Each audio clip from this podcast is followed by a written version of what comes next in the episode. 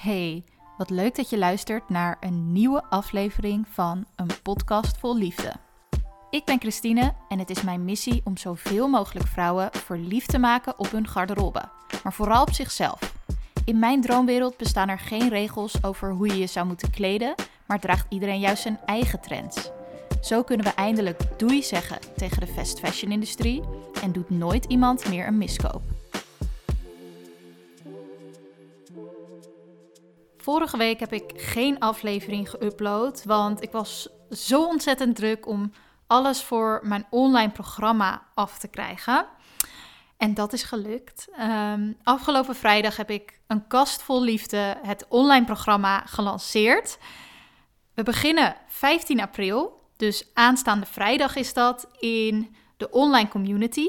Dat is een besloten Instagram-account wat bij de training hoort.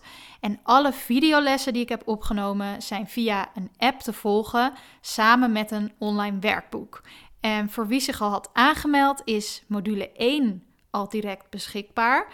En je kan dus in principe gelijk aan de slag met het creëren van jouw droomgarderobe wanneer je het programma aanschaft. En het lijkt me super leuk als je erbij komt. Ik heb er heel hard aan gewerkt en ik ben echt mega blij en trots met hoe het nu staat en hoe het eruit ziet.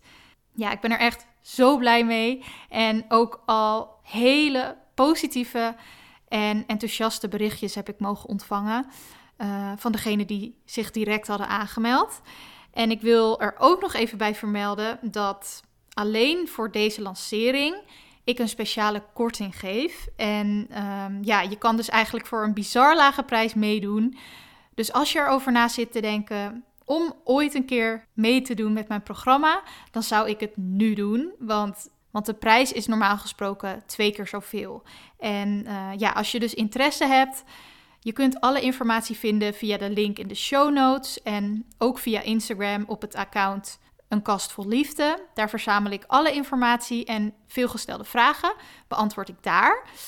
Ik heb echt zoveel zin om een heleboel droomgarderobes te zien ontstaan. Want ik ben van mening dat dat de sleutel is uiteindelijk naar een duurzame garderobe.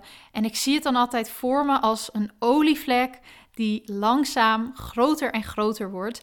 En dat we vanuit iets kleins uiteindelijk echt wel een grote impact gaan maken met elkaar. En dat gevoel van samen doen krijg ik dus heel sterk door de besloten community die bij de training hoort. Daar kun je je verhaal kwijt, maar je kunt je ook laten inspireren door elkaar. Um, ik zal daar ook een aantal keer live komen om je direct te kunnen helpen, maar met ja, waar jij dan ook mee struggelt uh, en tegenaan loopt. En ja, ik heb er dus super veel zin in. Um, ik had dit weekend een gesprek met een volger en dat ging over vriendschappen. En daardoor moest ik er ook aan denken aan um, wat ik eigenlijk met mijn online community neer wil zetten.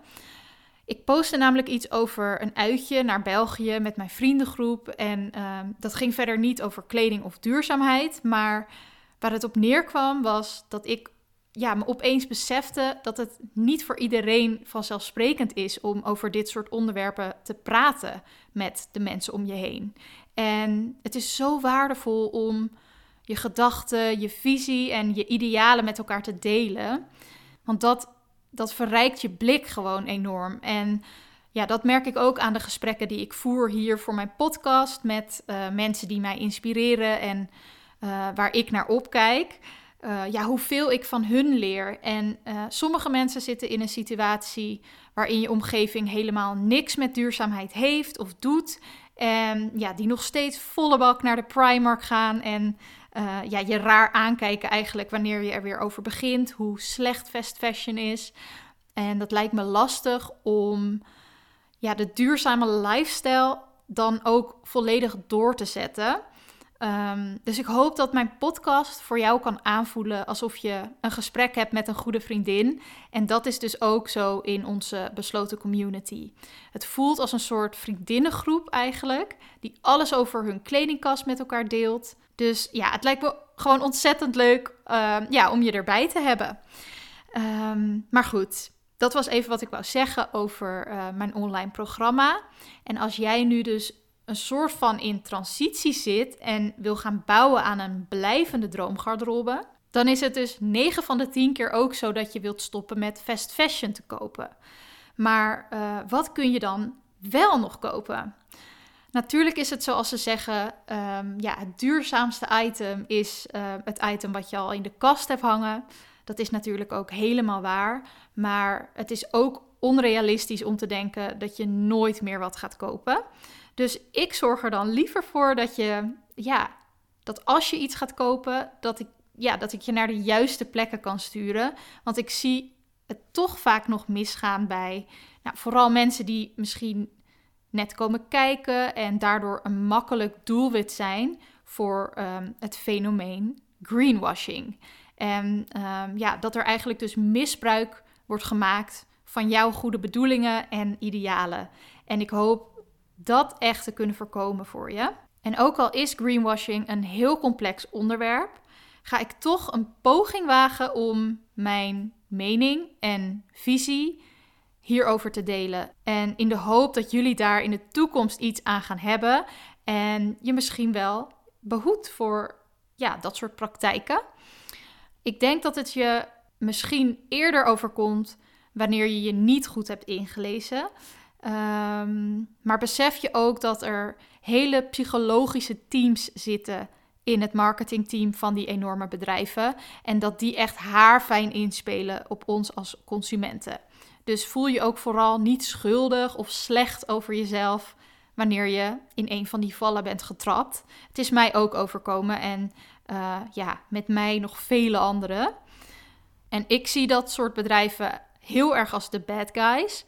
Maar ik kan eigenlijk niet echt 100% beoordelen of ja, die groene en duurzame collecties van grote bedrijven, of die echt neer zijn gezet met een slechte intentie.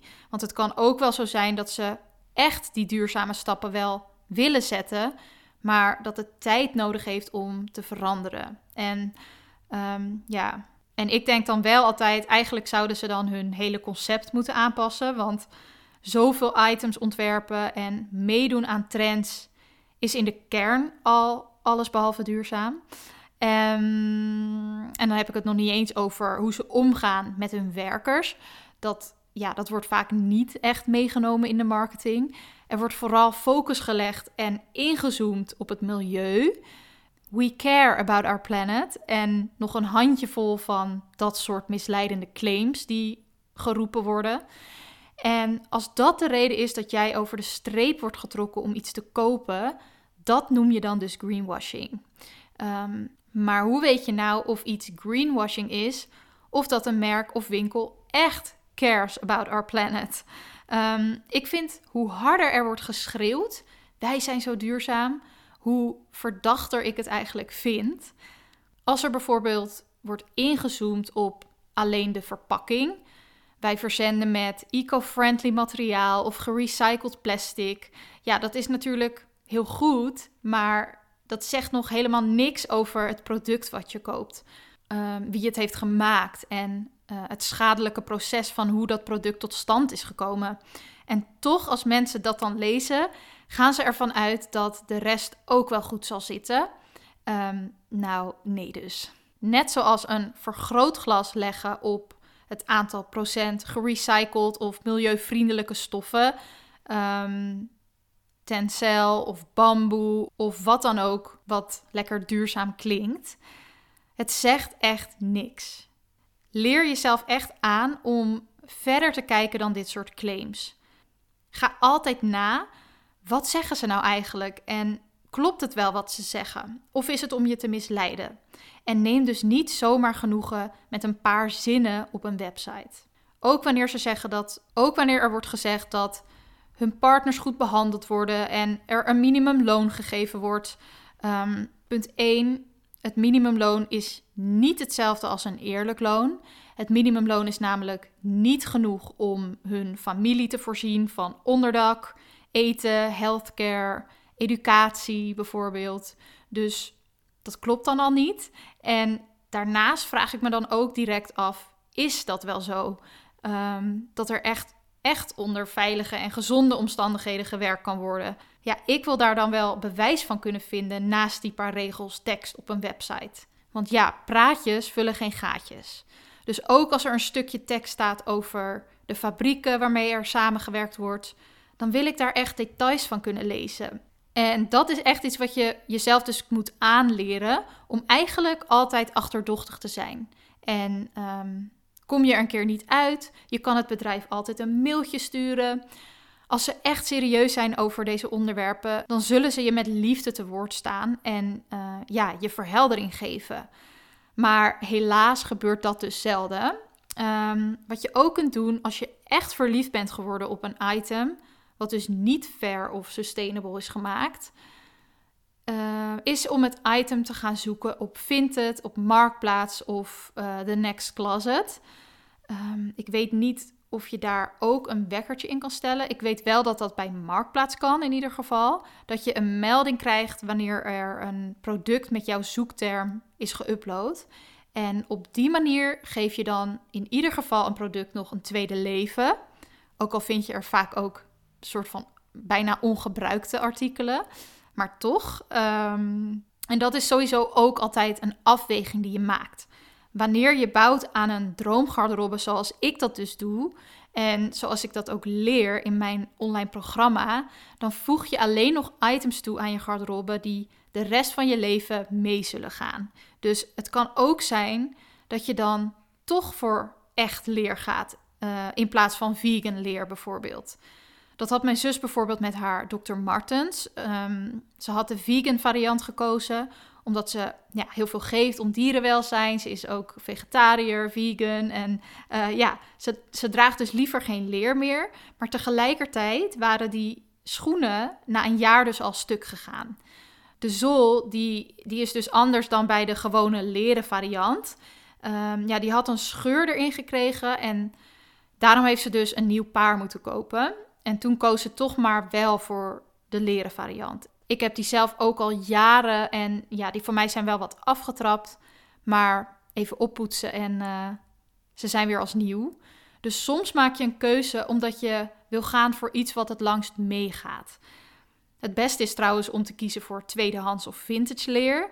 Maar uh, ja, Dr. Martens gaan wel als ze nieuw zijn heel fijn helemaal naar je voeten staan. En ja, mijn zus koos dus bewust om een nieuw paard te kopen en dan dus echt leer. En zo kun je dus eigenlijk voor alles een afweging maken. Ik denk dat die bewustwording echt een hele grote mindset shift is. En dat je daar voor jezelf dus steeds beter in wordt. En ook met het uh, achterhalen van de intenties van een bedrijf, daar ga je ook steeds beter in worden. En wat mij enorm helpt wanneer ik het even niet meer weet, is de app die ik al eerder heb genoemd. En wat echt een lifesaver is voor mij, dat is de Good on You app. Je kunt daar heel erg uitgebreid lezen op welke punten een merk is beoordeeld en waarom ze iets wel of niet goedkeuren. En een beoordeling kan zijn: we avoid. Um, wacht, uh, ja, ik pak er maar eventjes bij.